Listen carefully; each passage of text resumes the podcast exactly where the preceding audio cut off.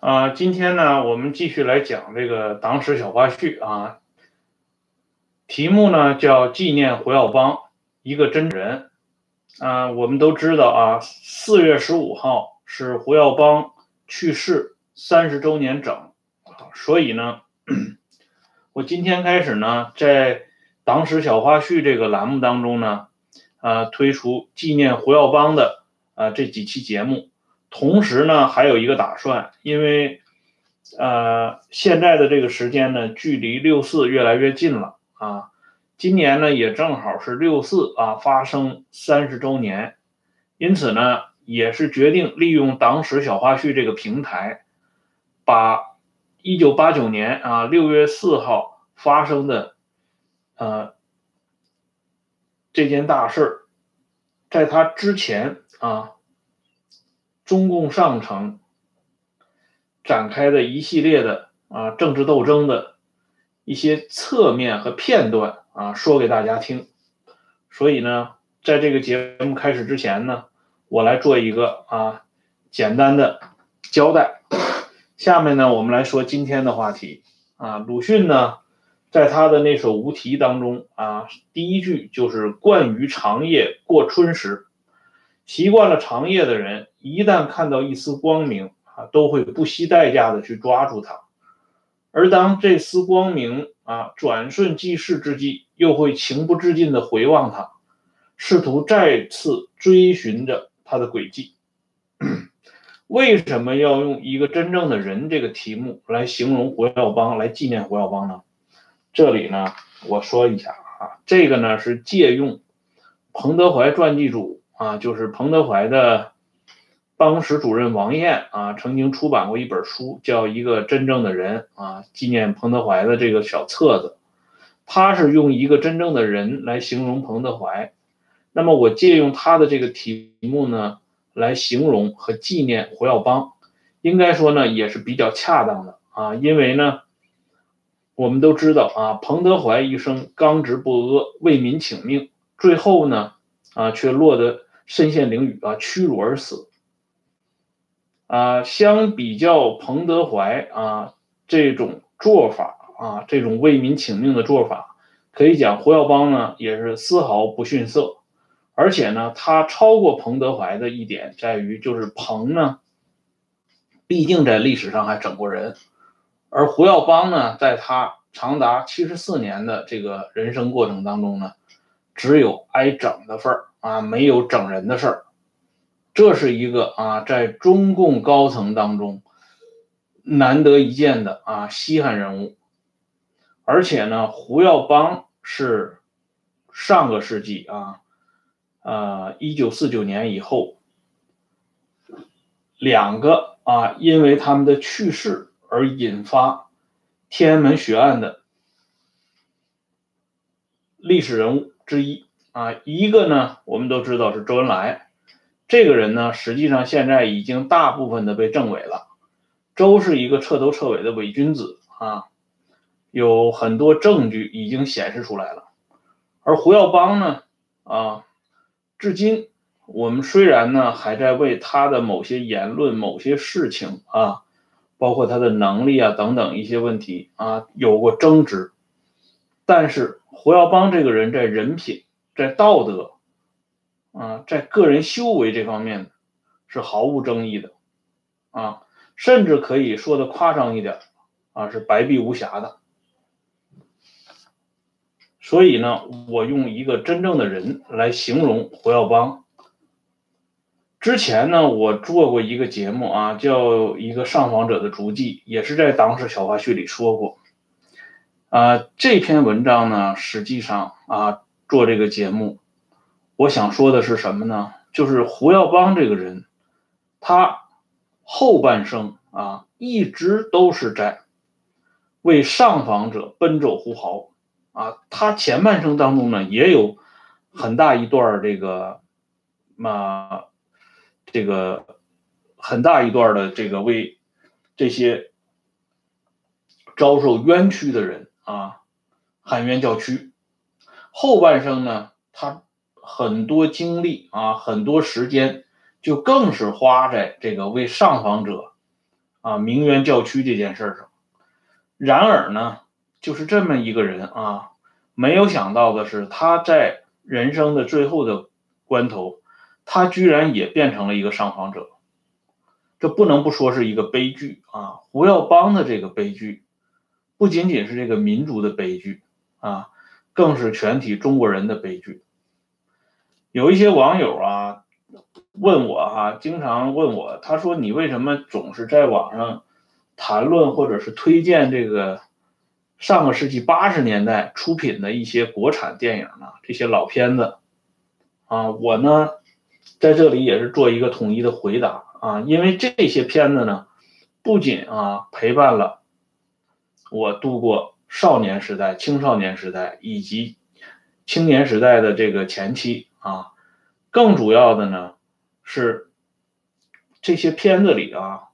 它反映出来的某些东西是洋溢着那个时代的那个朝气、那种生机。现在回过头来想呢，应该说那个短暂的。十年啊，八零年到八九年，那是毛死后啊，至今以来啊，这个国家最美妙的时光。有的朋友呢说的比较狠一点啊，他说这是盐碱地的回光返返照啊，也不为无因。而这个时代的出现呢，当然不是偶然的。这个时代的出现是因为有了像胡耀邦。赵子阳这样带有人性的政治家主导所致啊，因为我们都知道中国是个人治社会，政治家的本来面目直接影响社会生活的主体价值的取向。爱因斯坦曾经讲过这样一句话啊，他说：“第一流人物对于时代和历史进程的意义，在其道德品质方面啊，也许比单纯的才智成就方面还要大。”所以呢，就胡耀邦而言，他留给我们最多的记忆啊，不是他的职务，不是他的资历，不是他的学历，甚至不是他的能力，而是他的道德风范。我记得啊，就是在纪念六四十周年的时候，嗯，那个时候呢，我是偶然间啊，听到一个这个浸淫多年啊，在党内。混迹多年的这么一个老头子啊，他说过这样一句话，啊，说我就不点这个人名了啊，因为这个话题也还是比较敏感的。他当时呢就这么讲，他说这个耀邦这样的人在啊，这个组织看起来还有那么点人味儿。这个话呀，当时啊，因为那个时候我我自己啊，说难听点啊，也是处在一个很蒙昧的状态。啊，对这个他说这个话的更深一层的这个含义呢，理解不深啊，所以这个话当时一听一过啊。不过呢，年深日久啊，随着自己啊阅读啊，还有社会的经历啊啊都增加的同时呢，对这句话开始有了一个比较深入的这个判断了啊。所以今天我说出这句话，就是有一定的。代表意义，我们经常讲啊，在党内的这个历次政治斗争呢，这个绞杀的过程中呢，实际上是党内的邪恶力量和健康力量的角逐。那如果说啊，这种说法是比较传统的了啊，实际上是带有很大遮羞性质的。如果说这个党内还有所谓的健康力量，啊，我相信指的也就是屈指可数的啊，诸如彭德怀啊、胡耀邦啊、赵子阳这样几个人啊。所以呢，一旦当这些人都啊离开世间以后啊，就像刚才这个老头子说的那样啊，这个带点人味儿的都走了，那剩下的呢？我相信大家也就很好理解了，啊，像胡耀邦啊，包括彭德怀在内啊，他们这些人呢，可以说都是追梦人啊。以前在这个《雪山飞狐》这个电视电视剧里头，哎呀，有一首这个主题曲就是《追梦人》，凤飞飞演唱的啊。但是呢，我认为啊，他们追求的这个梦呢，是梦想的梦啊，不是现在啊有些人提倡的那个梦啊，因为那个梦是醉生梦死的梦啊。他们一直认为啊，他们青年时代的理想是一定能够实现的，也是一定能够给劳苦大众带来幸福的。可惜呢，啊，这个梦想不仅没有实现，而且啊，包括他们这些追求梦想的人，最后他们连自己的生命都无法保全。我记得那个。有一年到共青城啊去凭吊这个胡耀邦的时候，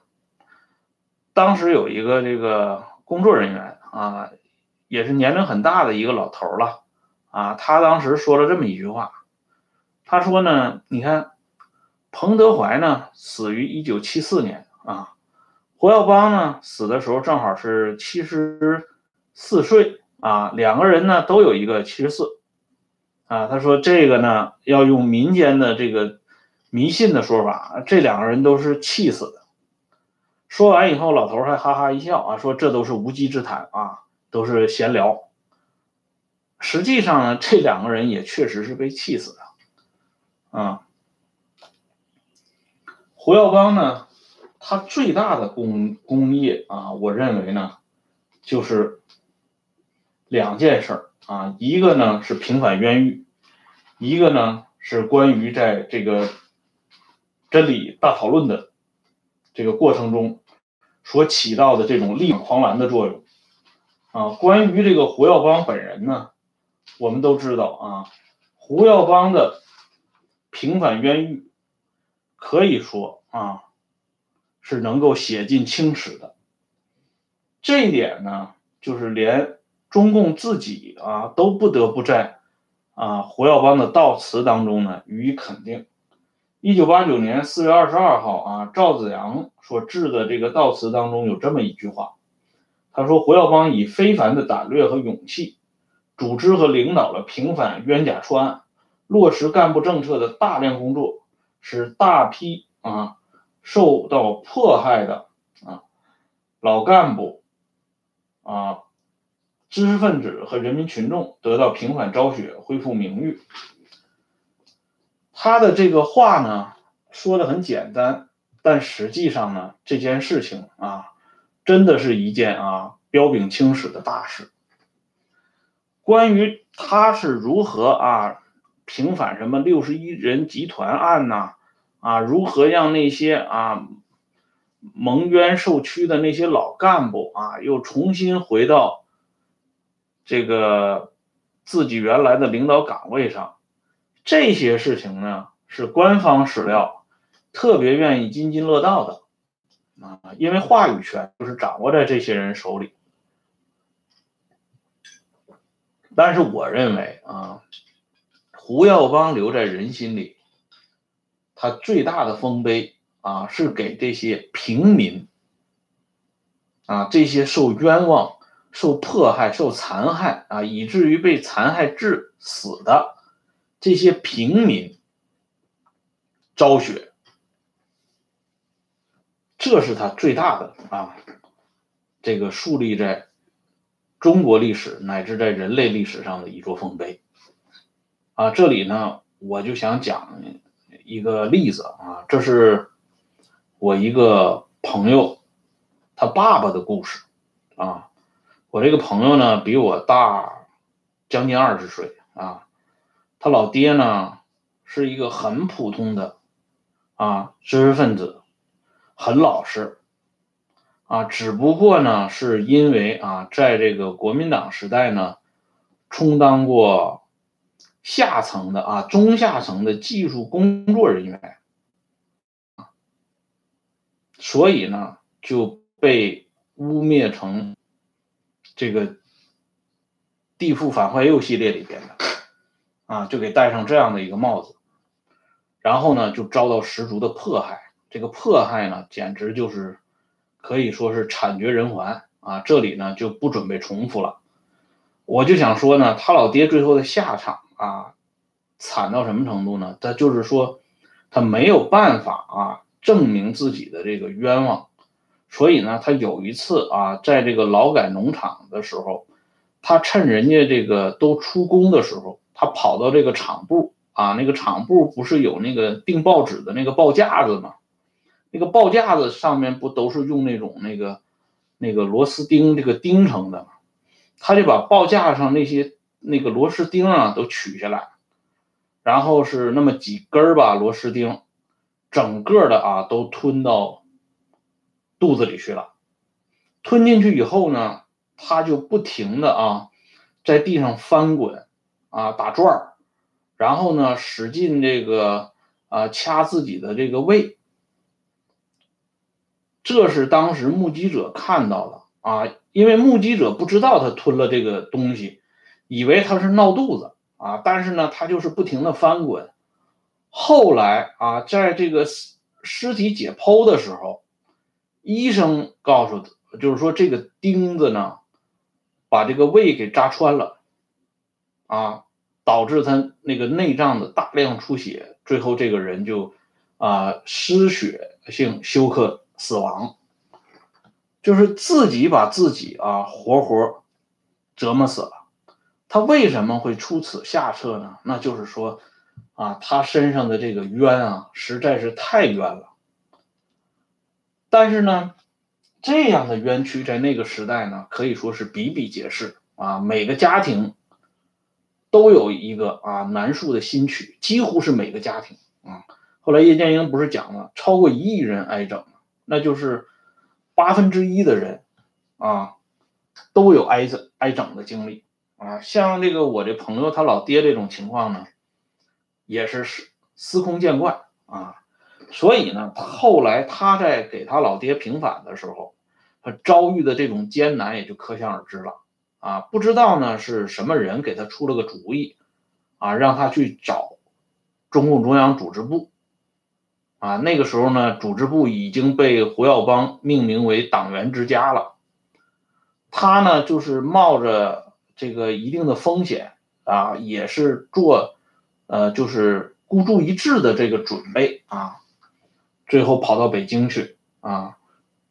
去找到这个中央组织部。万万没想到的呢，是他碰到了要吃中午饭的胡耀邦。他根本没意识到啊，站在他面前的这个，啊矮个的小老头啊，和蔼可亲的这么一个啊，两鬓略有白发的这么个老头，就是当时的中共中央组织部部长胡耀邦，而且是胡耀邦主动向他问的啊，就是说你有什么情况，他就把他写了啊，就是也是藏了很久的啊，他关于他父亲的材料拿了出来，他这个东西他已经是倒背如流了，啊。把这个情况简单的跟胡耀邦一讲，胡耀邦当时就给他领到办公室去了啊，然后呢，让秘书把这个情况整个的记录下来啊，把他的这个材料呢保存好啊，而且还给他啊发了一个回执。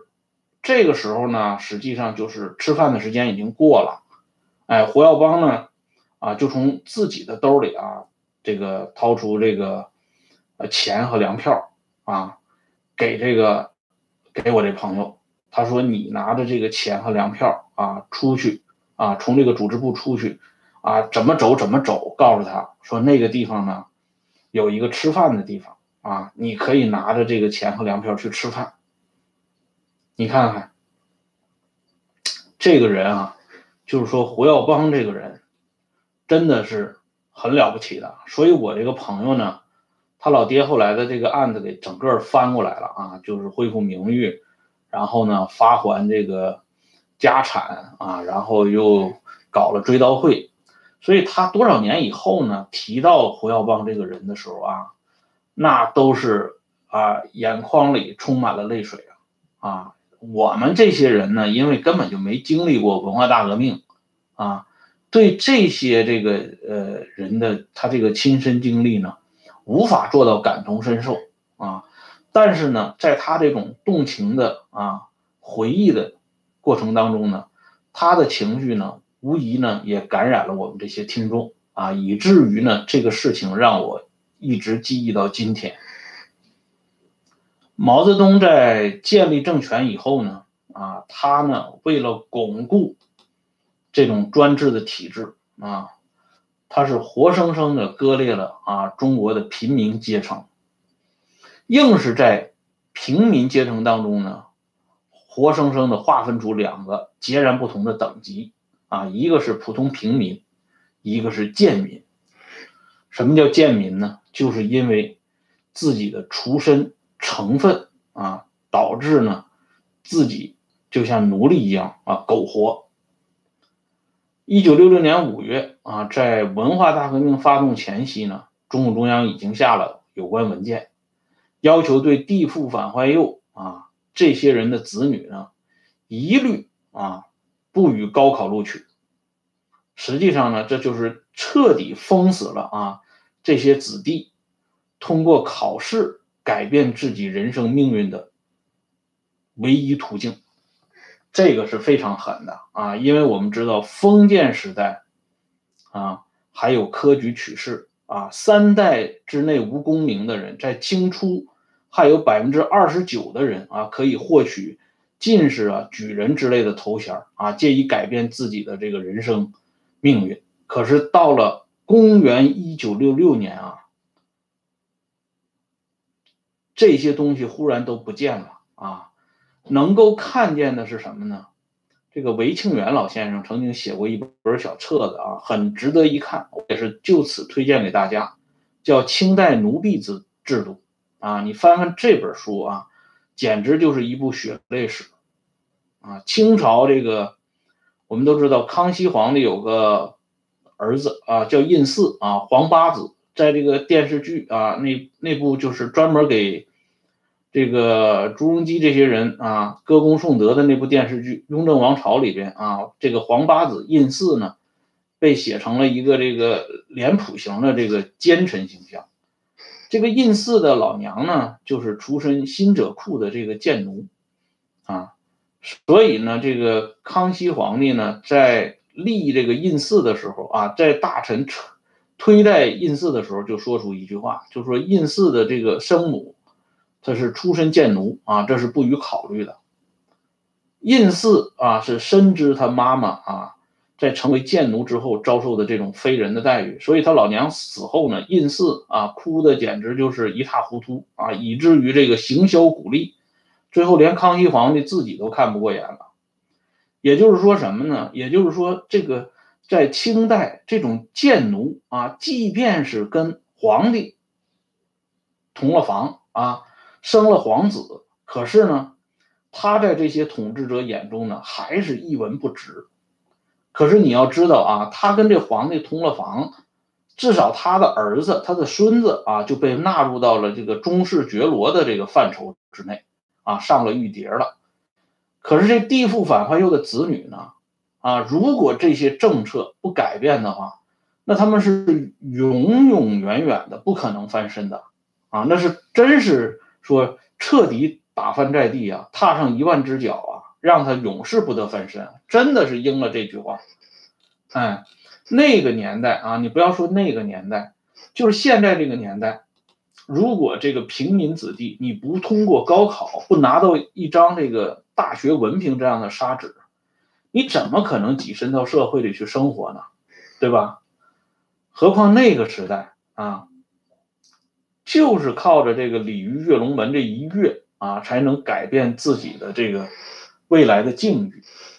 但是呢，仅仅是因为你投胎投错了啊，就彻底封死了你的这条路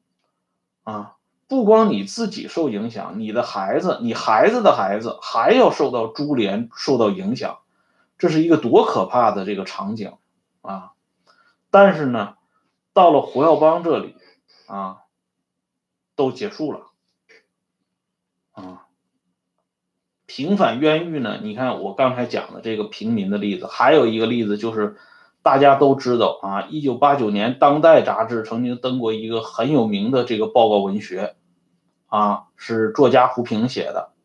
叫《中国的眸子》啊。这个这个报告文学呢也是值得一看的。他写的是李九莲和钟海源这么两个普通的女性啊，在文革中抗争被残杀的这么一个事情。这个李九莲啊，啊骂过林彪，那是林彪正当红的时候；骂过华国锋，华国锋在台上啊，还骂过邓小平。邓小平已经最后一次复出了，那就是彻底复出了啊！而且呢，李九莲骂邓小平的有些话呢。至今啊，包括胡平，他在这个报告文学里边都不敢披露啊。那披露呢，作家自己也完蛋了啊。可是就这么一个李李九莲啊，他死前是遭到什么样的这个待遇呢？是用竹签子啊，把他这个下颚和这个嘴唇直接穿透了啊，就防止他在这个刑场上乱喊乱叫。那个绳子呢，把他那个喉咙勒的整个勒出了一道深深的这个。疮痕啊，就是怕他这个这个绑赴刑场过程中有所动作啊，对待这么一个手无寸铁的弱女子啊，到了这样残忍的程度。可是，一九八零年一月，胡耀邦亲自批示，当时是胡耀邦担任是中共中央秘书长啊，亲笔批示要给李九莲平反。啊，这个东西呢，就是当时中中央政法委主持工作的秘书长刘福芝拿过来以后呢，也感到非常棘手啊。我们都知道刘福芝呢是邓的老部下，啊，这个材料里边有骂邓的话。更主要的是呢，华国锋那个时候还在台上。华国锋是在一九八零年二月，他的几个重要的亲信羽翼啊才被剪除。即便是那样，华国锋也还是名正言顺的中共中央主席、中央军委主席。华主席的那个画像还挂在啊学校的这个墙上啊，英明领袖的名字还是叫着的啊。但是呢，胡耀邦没有管这套。胡耀邦有一个名言叫“两不管”，就是不管什么人批示的，不管什么时候，只要是冤假错案，一律一风吹啊。当时有人就质疑，他说：“那国民党时代那搞的冤假错案，呃，也也要我们来管啊？”胡耀邦当时就反击他一句，说：“国民党都已经让我们推翻了，那他搞的冤假错案，我们为什么不能给翻过来啊？”啊，这样呢，提问的人就是哑口无言。啊，由此可见呢，这个胡耀邦这个人真的是了不起啊！这样的人物在中国已经绝版了啊。所以呢，当李锐回忆胡耀邦的时候啊，他写了一首诗。诗里边最后一句就是“活在人心便永生”，啊，实际上呢，李锐的这首诗是对胡耀邦这一生，特别是他后光彩的后半生，一个高度的概括。胡耀邦这个人啊，他只读了半年的初中，典型的是小学文化。十二岁和他的表哥杨勇爬墙头啊，当时正好是毛的这个秋收起义部队啊，经过浏阳。胡耀邦是因为年龄太小，个子太小啊，没有给他吸收到红军去。十四岁啊，两年以后，他正式参加了这个红军，是典型的红小鬼。他除开呢，这个在打 AB 团的时候差点被搞掉，剩下呢一直还处于一帆风顺的状态。实际上，党内呢像胡耀邦这种经历的人也有，就是说自己呢挨过整。可是反过水来以后呢，整别人更狠。可是胡耀邦呢，他永永远远记得是自己挨整的经历，所以呢，他经常就是用这段经历啊，鞭策啊和激励自己，不要去做整人的黑手啊，甚至不要去做那双白手套。嗯，这是一个啊，真正的人，一个大写的人。顺便呢说一句题外话，这是胡耀邦当时啊去世的时候啊，当时天安门广场的学生打出的这个呃这个一个横幅里说的一句话，说亡秦者胡也，秦政未亡而胡已先去，这才是出师未捷身身先死啊，常使英雄泪满襟啊，这这个横幅呢是后来啊。呃，我看到那个回忆资料上提到的，哎，印象很深，所以今天呢，就特别的提到胡耀邦的平反冤狱呢。说实话啊，他是不可能像前苏联赫鲁晓夫那样啊，因为赫鲁晓夫做秘密报告是直接把斯大林从神坛上彻底给拉下来了啊，斯大林的嘴脸呢完全暴露在光天化日之下啊。苏联人呢后来又经历了安德罗波夫这样的领导啊，所以把斯大林彻底踩在了脚下啊。这个苏联人对苏共的这个迷信呢，由此发生了极大的动摇啊。所以后边的事情呢就顺理成章了，但是胡耀邦呢，他不具备这样的上层基础和下层基础，他只能做一些具体的工作。他的平反冤狱呢，实际上是否定了毛在一九四九年啊建立这个政权以后的绝大多数的所作所为啊，极大的撼动了这种极左统治的啊上层的基础。当然，这个力度是十分有限的，也不可能像赫鲁晓夫、安安德罗波夫那样啊掘墓鞭尸。但是毕竟呢，让毛家店啊暂时出现了摇摇欲坠的这个现象。可惜呢，这一切啊都是短暂的光明，而长夜呢永远的留在了人民人们的眼前。也正是因为长夜过久了。啊，回到我们开头的那句话，人们对光明的渴望啊，才更加的强烈。在强烈的同时，就不由得不又想起这位可敬的老人啊。这是呢，今天啊，我做这个纪念胡耀邦的一个开头的啊开场白，就暂时呢说到这里。啊，欢迎继续收看、订阅《温相说党史》，谢谢，再见。